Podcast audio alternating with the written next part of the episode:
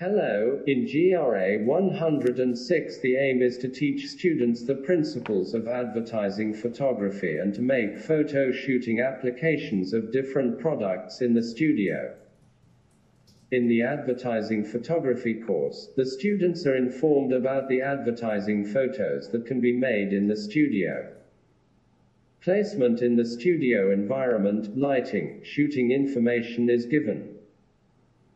Students taking this course glass, plastic, cardboard, wood, metal, fabrics and surfaces such as textures, various forms and packages to gain the ability to photograph.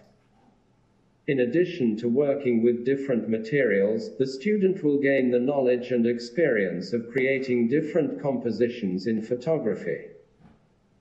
In addition, studio shootings of objects, figures, food, etc that may be needed for advertising campaigns are taught.